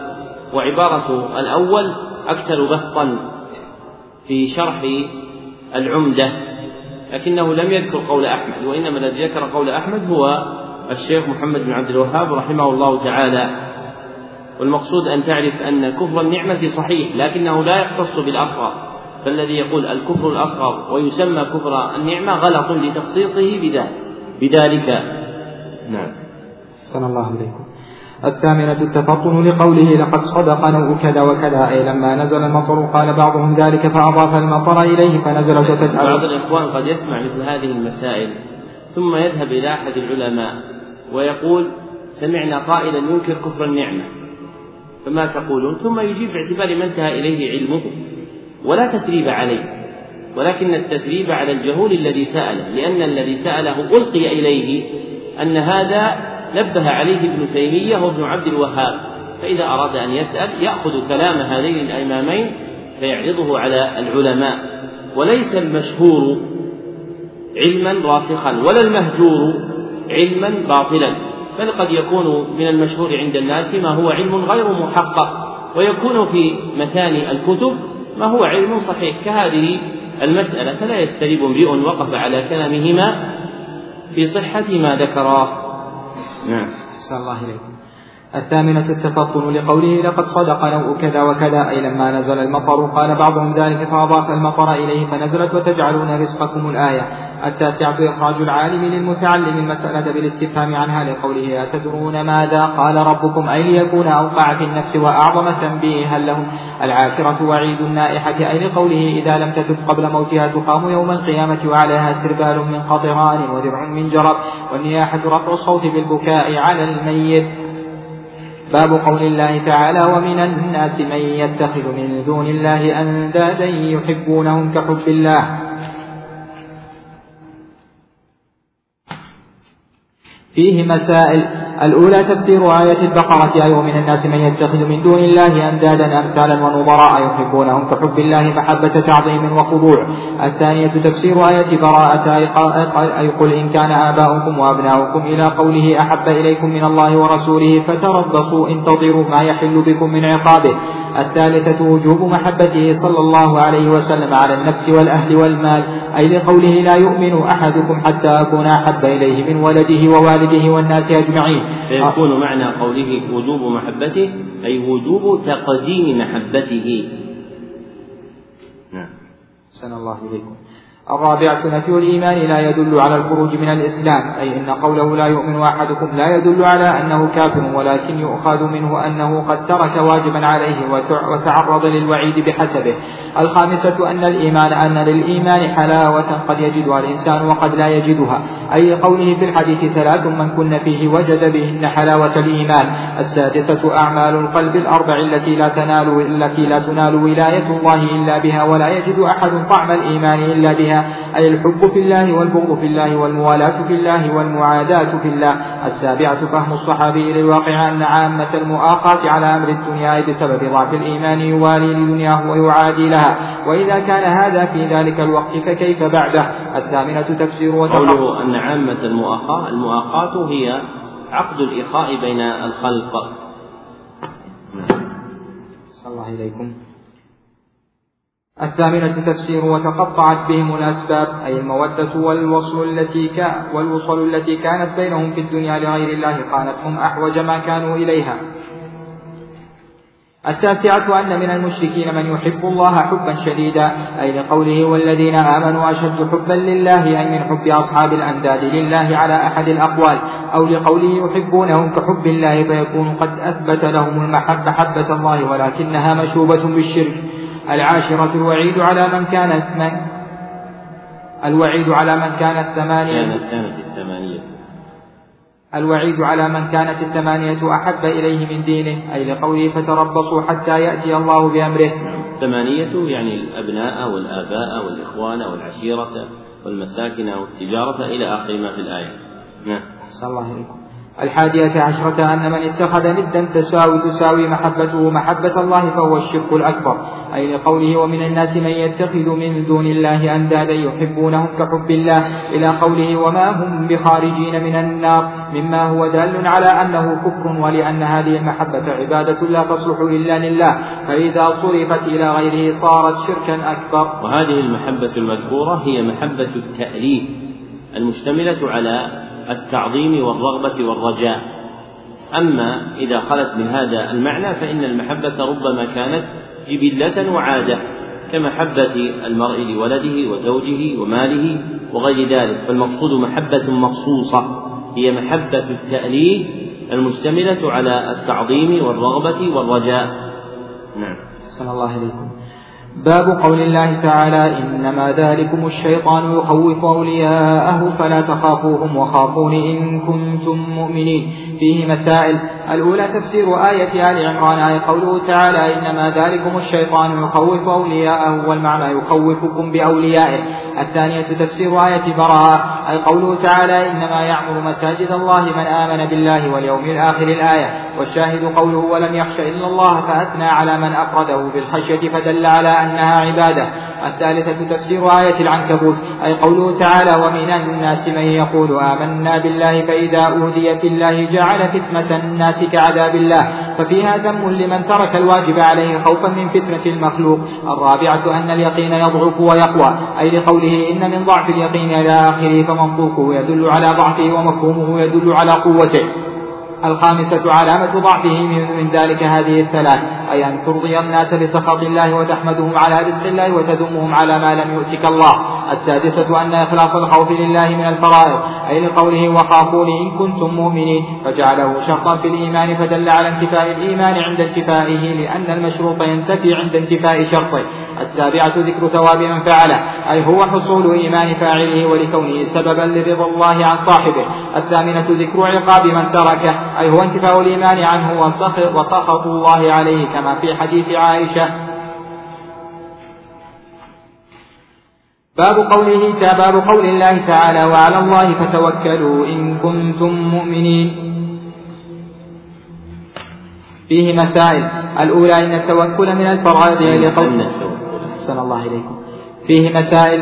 الأولى أن التوكل من الفرائض لقوله فتوكلوا وهذا أمر والأمر للوجوب الثانية أنه من شروط الإيمان أي لقوله إن كنتم مؤمنين فجعله شرطا في حصول الإيمان. الثالثة تفسير آية الأنفال أي قوله تعالى إنما المؤمنون الذين إذا ذكر الله وجلت قلوبهم الآية والشاهد قوله وعلى ربهم يتوكلون الرابعة تفسير الآية في آخرها أي قوله تعالى يا أيها النبي حسبك الله الآية أي الله كافيك وكافي من اتبعك. الخامسة تفسير آية الطلاق. أي قوله تعالى ومن يتوكل على الله فهو حسبه. أي كافي. السادسة عظم شأن هذه الكلمة وإنها قول النار وأنها قول إبراهيم ومحمد صلى الله عليه وسلم في الشدائد. أي حسبنا الله ونعم الوكيل. ومعناها هو كافينا ونعم الوكيل هو سب ونعم الوكيل هو سبحانه وتعالى. باب قول الله تعالى أفأمنوا مكر الله فلا يأمن مكر الله إلا القوم الخاسرون. فيه مسائل. الأولى تفسير آية الأعراف. أي قوله تعالى أفأمنوا مكر الله الآية. والمعنى أن الله ذكر حال أهل القرى المكذبين للرسل وبين أن الذي حملهم على ذلك كونهم أمنوا مكر الله. الثانية تفسير آية الحجر. أي قوله تعالى ومن يقنط من رحمة ربه إلا الضالون. ففيها ذم القنوط والحث على الرجاء والأولى فيها ذم الأمن والحث على الخوف. الثالثة شدة الوعيد في من أمن مكر الله أي أنه من الكبائر. الرابعة شدة الوعيد في القنوط أي لكونه من الكبائر. باب من الإيمان بالله الصبر على أقدار الله.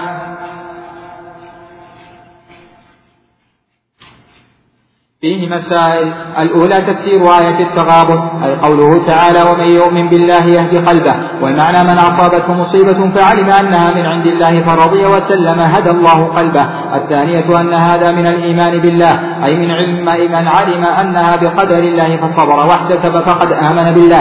الثالثة الطعن في النسب أي النهي عنه. الرابعة شدة الوعيد في من ضرب الحدود وشق الجيوب ودعا بدعوى الجاهلية أي لقوله ليس منا إلى آخره. وذلك لمنافاتها للصبر على ما قدره الله وهو واجب. الخامسة علامة إرادة الله بعبده الخير أي أنه يعجل له العقوبة في الدنيا. السادسة إرادة الله به الشر أي أنه يمسك عنه بذنبه حتى يوافى به يوم القيامة.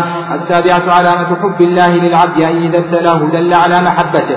الثانية تحريم السخط أي لقوله ومن سخط فله السخط. التاسعة ثواب الرضا بالبلاء أي لقوله فمن رضي فله الرضا. باب ما جاء في الرياء.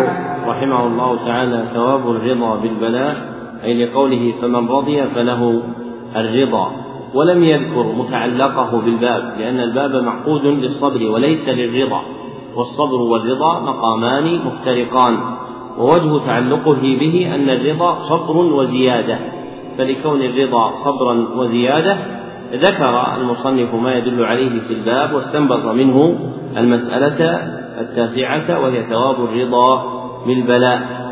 وتلقي الأقدار المؤلمة يقع من المؤمن على إحدى ثلاث مراتب. الأولى مرتبة الصبر وهي أدناها. والثانية مرتبة الرضا وهي أوسطها. والثالثة مرتبة الشكر وهي أعلاها. ذكر هذا أبو العباس بن تيمية الحبيب وتلميذه ابن القيم في مدارج السالكين. والفرق بينها أن المرتبة الأولى يوجد معها في النفس قلق إن إلا أن الإنسان يحبسها على أمر الله. وفي المرتبة الثانية يخرج القلق من النفس. فلا يبقى فيها ألم من وقع القدر. والثالثة تخلص النفس من ذلك بالكلية وتتزين بشكر الله على ما أسداه على العبد من نعمة. نعم. سن الله إليكم باب ما جاء في الرياء. فيه مسائل. الأولى تفسير آية الكهف. قوله تعالى قل إنما أنا بشر مثلكم إلى قوله ولا يشرك بعبادة ربه أحدا. أي أن العمل لا يقبل إلا إذا كان صالحا موافقا للشرع وخالصا لله. ليس له ليس له ليس فيه شرك والرياء ينافي الإخلاص. الثانية الأمر العظيم في رد العمل الصالح إذا دخله شيء لغير الله أي لفقده شرطه المصحح المصحح له وهو الإخلاص. الثالثة ذكر السبب الموجب لذلك وهو كمال الغنى. أي لقوله أنا أغنى الشركاء عن الشرك. الرابعة أن من الأسباب أنه تعالى خير الشركاء. أي فلا يقبل العمل الذي يشرك الذي يشرك به غيره. بين الشارح وجه خيرية الرب سبحانه وتعالى مع شركائه في قول المصنف أن من الأسباب أنه تعالى غير الشركاء بما لا يبين هذه الخيرية. والذي يبينها هو أن الله عز وجل لا يزاحم غيره من الشركاء. هو أن الله عز وجل لا يزاحم غيره من الشركاء. إذا عمل عمل أشرك فيه معه غيره. أشرك فيه معه غيره. لما في الصحيح أن النبي صلى الله عليه وسلم قال قال الله تعالى أنا أغنى الشركاء عن الشرك. من عمل عملا أشرك فيه معي غيري تركته وشركه. فدل ذلك على وجه خيريته أنه يترك ذلك العمل لغيره سبحانه وتعالى. نعم. صلى الله عليكم الخامسة خوفه صلى الله عليه وسلم على أصحابه من الرياء. أي لقوله ألا أخبركم بما هو أخوف عليكم عندي من المسيح الدجال. السادسة أنه فسر ذلك بأن يصلي المرء لله لكن يزينها لما يرى من نظر, من نظر رجل إليه. أي كما ذكره في آخر الحديث وسماه خفيا لكون صاحبه يظهر للناس شيئا وقد أخفى خلافه. باب من الشرك إرادة الإنسان بعمله الدنيا. فيه مسائل الأولى إرادة الإنسان الدنيا بعمل الآخرة أي كما في الآية وذلك بأن يعمل أعمالا صالحة يريد بها الدنيا. الثانية تفسير تفسير آية هود أي قوله تعالى من كان يريد الحياة الدنيا وزينتها نوفي إليهم أعمالهم فيها الآية والشاهد منها الوعيد في من لا في من, في من لا يعمل إلا للدنيا. الثالثة تسمية الإنسان المسلم عبد الدينار والدرهم والخميصة أي لقوله تعس عبد الدينار تعس عبد الدرهم إلى آخره. الرابعة تفسير ذلك بأنه إن أعطي رضي وإن لم يعط سخط. أي معنى كونه عبدا لهذه الأشياء أنه إن أعطي منها شيئا رضي وعمل وإن لم يعط سخط ولم يعمل فرضاه لغير الله وسخطه لغيره. الخامسة قوله تعس وانتكس أي عاوده المرض وهو دعاء عليه وقوله وانتكس أي عثر أو أي عثر وانكب لوجهه وهذا أيضا دعاء عليه. السادسة قوله وإذا شيك فلن تقش أي إذا أصابته شوكة لم يقدر على أخذها بالمنقاش وهذا أيضا دعاء عليه. السابعة الثناء على المجاهد الموصوف بتلك الصفات أي لقوله طوبى لعبد أخذ بعنان فرس أخذ بعنان فرسه إلى آخره الحديث. يصح أخذ أو آخذ والمشهور آخذ بعنان فرسه. الله عليكم. أي لقوله طوبى لعبد آخذ بعنان فرسه إلى آخر الحديث لكونه يعمل لله لا لغير ذلك من جاه أو غيره. ولم يبين المصنف مأخذ الثناء وهو ما رتب له من الجزاء في قوله طوبى فإن طوبى فعلى من الطيب فهذا وعد له بأن كل طيب يكون له. وترتيب هذا الجزاء العظيم له دال على الثناء عليه. نعم. صلى الله عليه باب من أطاع العلماء والأمراء في تحريم ما أحل الله أو تحليل ما حرم الله فقد اتخذهم أربابا من دون الله. فيه مسائل الأولى تفسير آية النور أي قوله تعالى فليحذر الذين يخالفون عن أمره أن تصيبهم فتنة أو يصيبهم عذاب أليم. والشاهد منها الوعيد على من ترك قوله صلى الله عليه وسلم وخالف أمره. الثانية تفسير آية براءة أي قوله تعالى اتخذوا أحبارهم ورهبانهم أربابا من دون الله. والشاهد منها أن الله أخبر أنهم اتخذوا أربابا وشركاء بطاعتهم فيما يخالف الشرع. الثالثة التنبيه على معنى العبادة التي أنكرها عدي أي أنه, أنه أنكر أنهم يركعون لهم ويسجدون ويدعونهم لظنه أن العبادة خاصة بمثل هذا فأخبره أن طاعتهم في ذلك عبادة لهم. وإشراك مع الله وهذا مع الاعتقاد كما فصل ذلك الشيخ تقي الدين. قوله وهذا مع الاعتقاد كما فصل ذلك الشيخ تقي الدين أي أبو العباس ابن تيمية. فإن أبا العباس يذكر عند الحنابلة ومنهم المصنف باسم الشيخ تقي الدين. وهذا كثير في مصنفاتهم الفقهية. ووجه ذلك أنه هو الاسم الذي شهر به صغيرا. فإن من عادة الناس الجارية حينئذ جعل هذه الألقاب التي تضاف إلى الدين. فشهر بين قومه بتسميته بتقي الدين وكان يكره ذلك. لما تقرر من ذم هذه الألقاب وكان يعتذر بأن أهله سموه به صغيرا فغلب عليه. والذي ذكره أبو العباس ابن تيمية الحفيد رحمه الله تعالى هو أنهم إذا فعلوا ذلك معتقدين أنه دين يدان به لله مع التغيير والتبديل فتلك عبادتهم.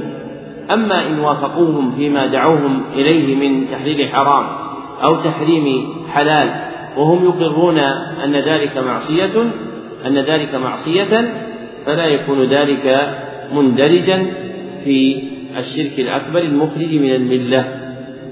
نعم.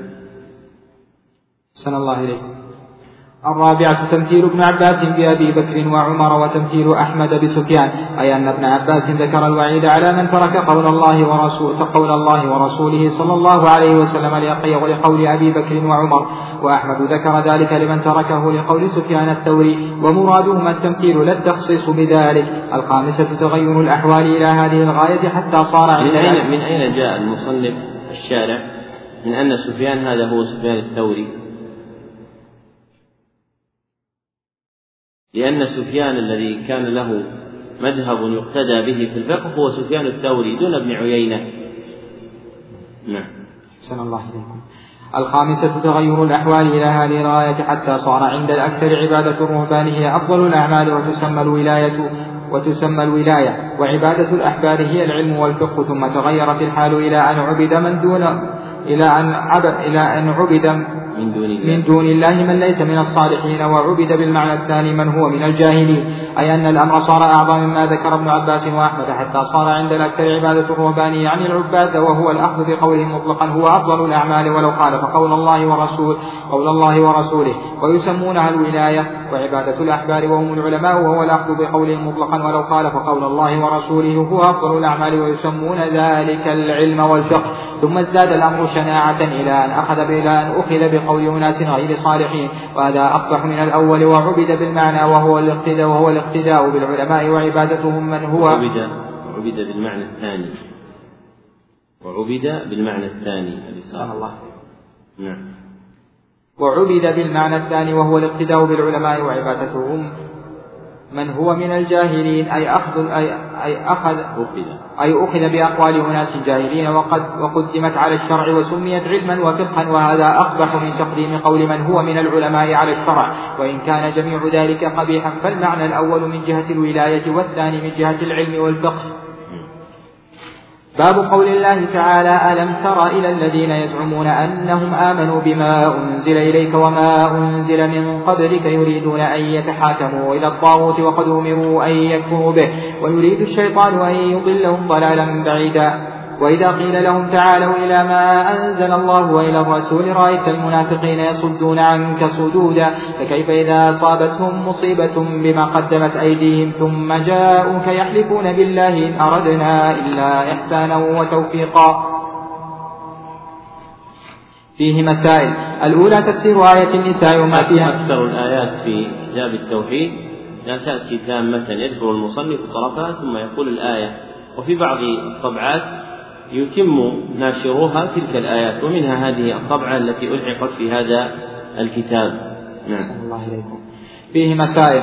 الأولى تفسير آية النساء وما فيها من الإعانة على فهم الطاغوت. أي قوله تعالى ألم تر إلى الذين يزعمون أنهم آمنوا بما أنزل إليك وأما ما فيها من الإعانة على فهم الطاغوت فلأنه صدر الآية بيزعمون الذي يقال غالبا على غير المحقق وأخبر أنه من إرادة الشيطان وأنه ضلال وأكده بالمصدر ووصفه بالبعد.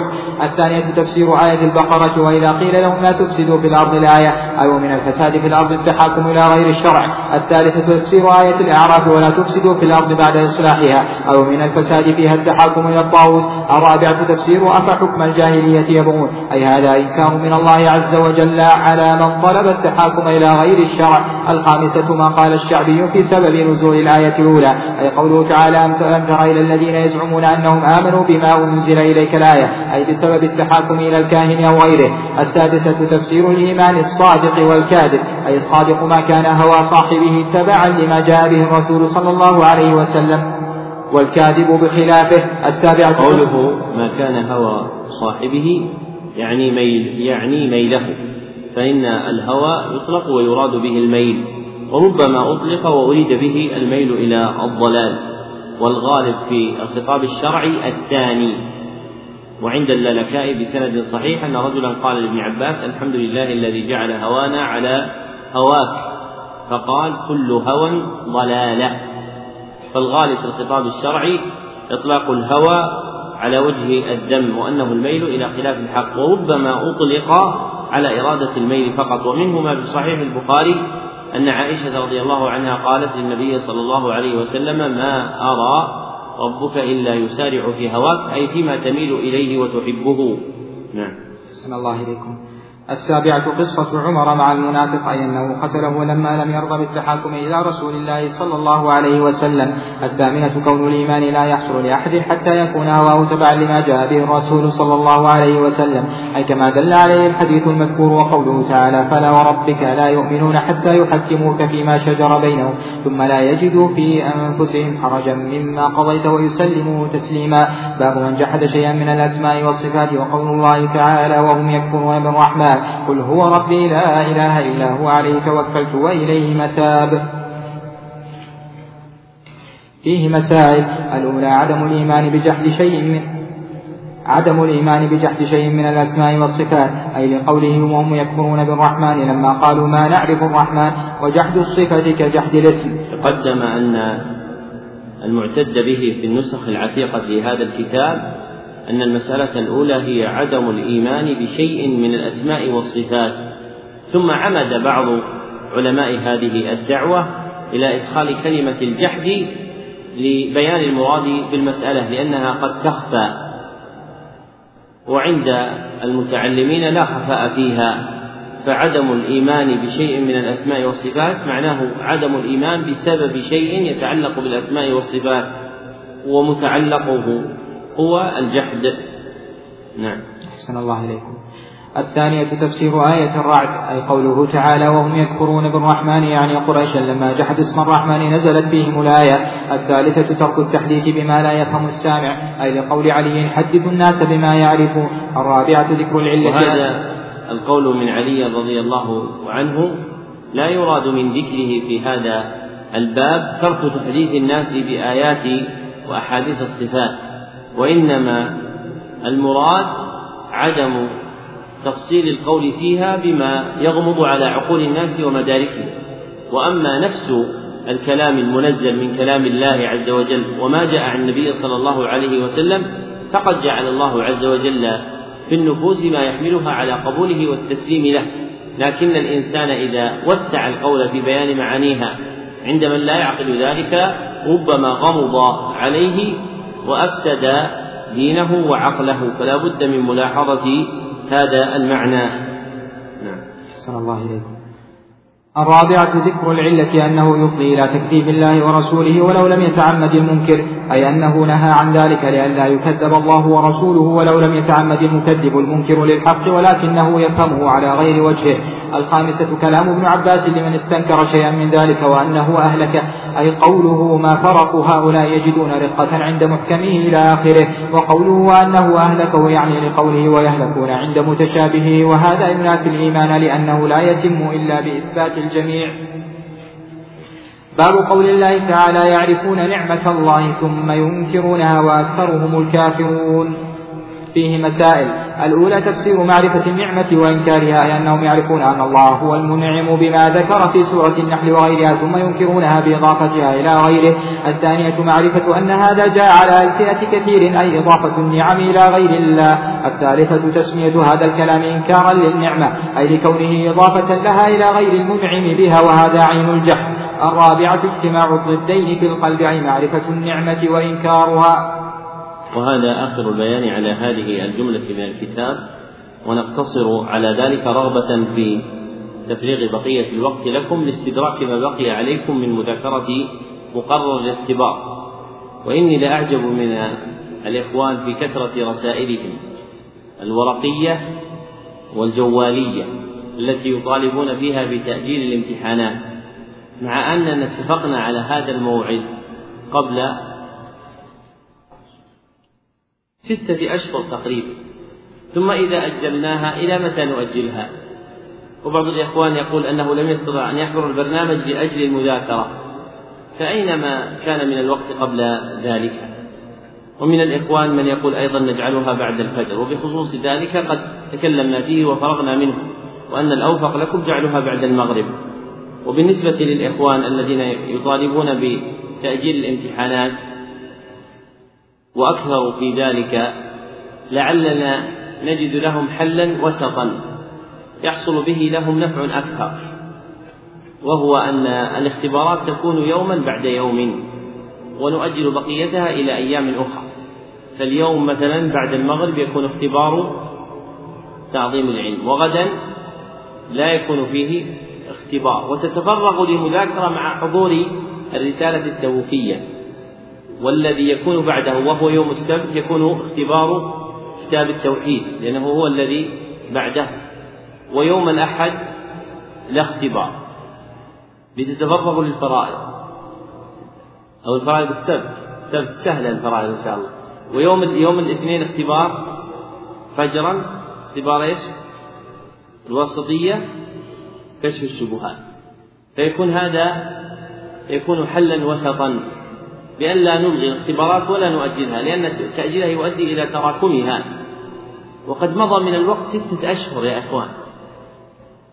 ستة أشهر كافية أن الإنسان يعني يذاكر آلاف الصفحات. وهذه الدروس ليست واسعة هذه الدروس مختصرة. كيف إذا إن شاء الله شرحنا هذه المتون على وجه متوسع وليس مطولا وإنما متوسع بما يحتاجه الناس. سنكون الكتاب نحتاج إلى سنة حتى نختبره. ينبغي طالب العلم أن يذاكر أولا بأول ولا يؤخر دروسه وحفظه. لا بد أن ترتبوا أوقاتكم وتقسموها على أعمالكم ومتطلباتكم. أما أن يترك الإنسان تلك المتطلبات حتى تتراكم ثم بعد ذلك يتوجع ويتفجع ويتلوع هذا لا يجري عليه شيئا. فالحاصل أنه رأفة بالحال سيكون بعد المغرب اختبار تعظيم العلم. وغدا لا اختبار. وبعد غد وهو يوم السبت سيكون اختبار كتاب التوحيد بعد المغرب. وبعده لا اختبار. ويوم الاثنين بعد الفجر يكون اختبار الواسطية وكشف الشبهات. وعندكم إن شاء الله تعالى في الأيام ساعة ومن جد وجد. ينبغي طالب العلم أن يكون سمته الاجتهاد. والمقصود من الاختبارات إعانتكم على المذاكرة ومن محاسن التقدير الإلهي أن الله عز وجل أرسل إلي أحد الإخوان سلم علي في مكتبة الرشد فحثني على أن أحرص على إبقاء الاختبارات. قال لأننا ربما لا نحصل الفائدة من الدروس إلا بمثل هذا لأن الطالب يراجع ويذاكر وربما إذا ربما إذا لم تكن اختبارات لم يكن مثل هذا فالمقصود التعاون على البر والتقوى في تحصيل العلم. وفق الله الجميع ما يحب ويرضى. الحمد لله رب العالمين وصلى الله وسلم على سيدنا رسول محمد وآله وصحبه أجمعين.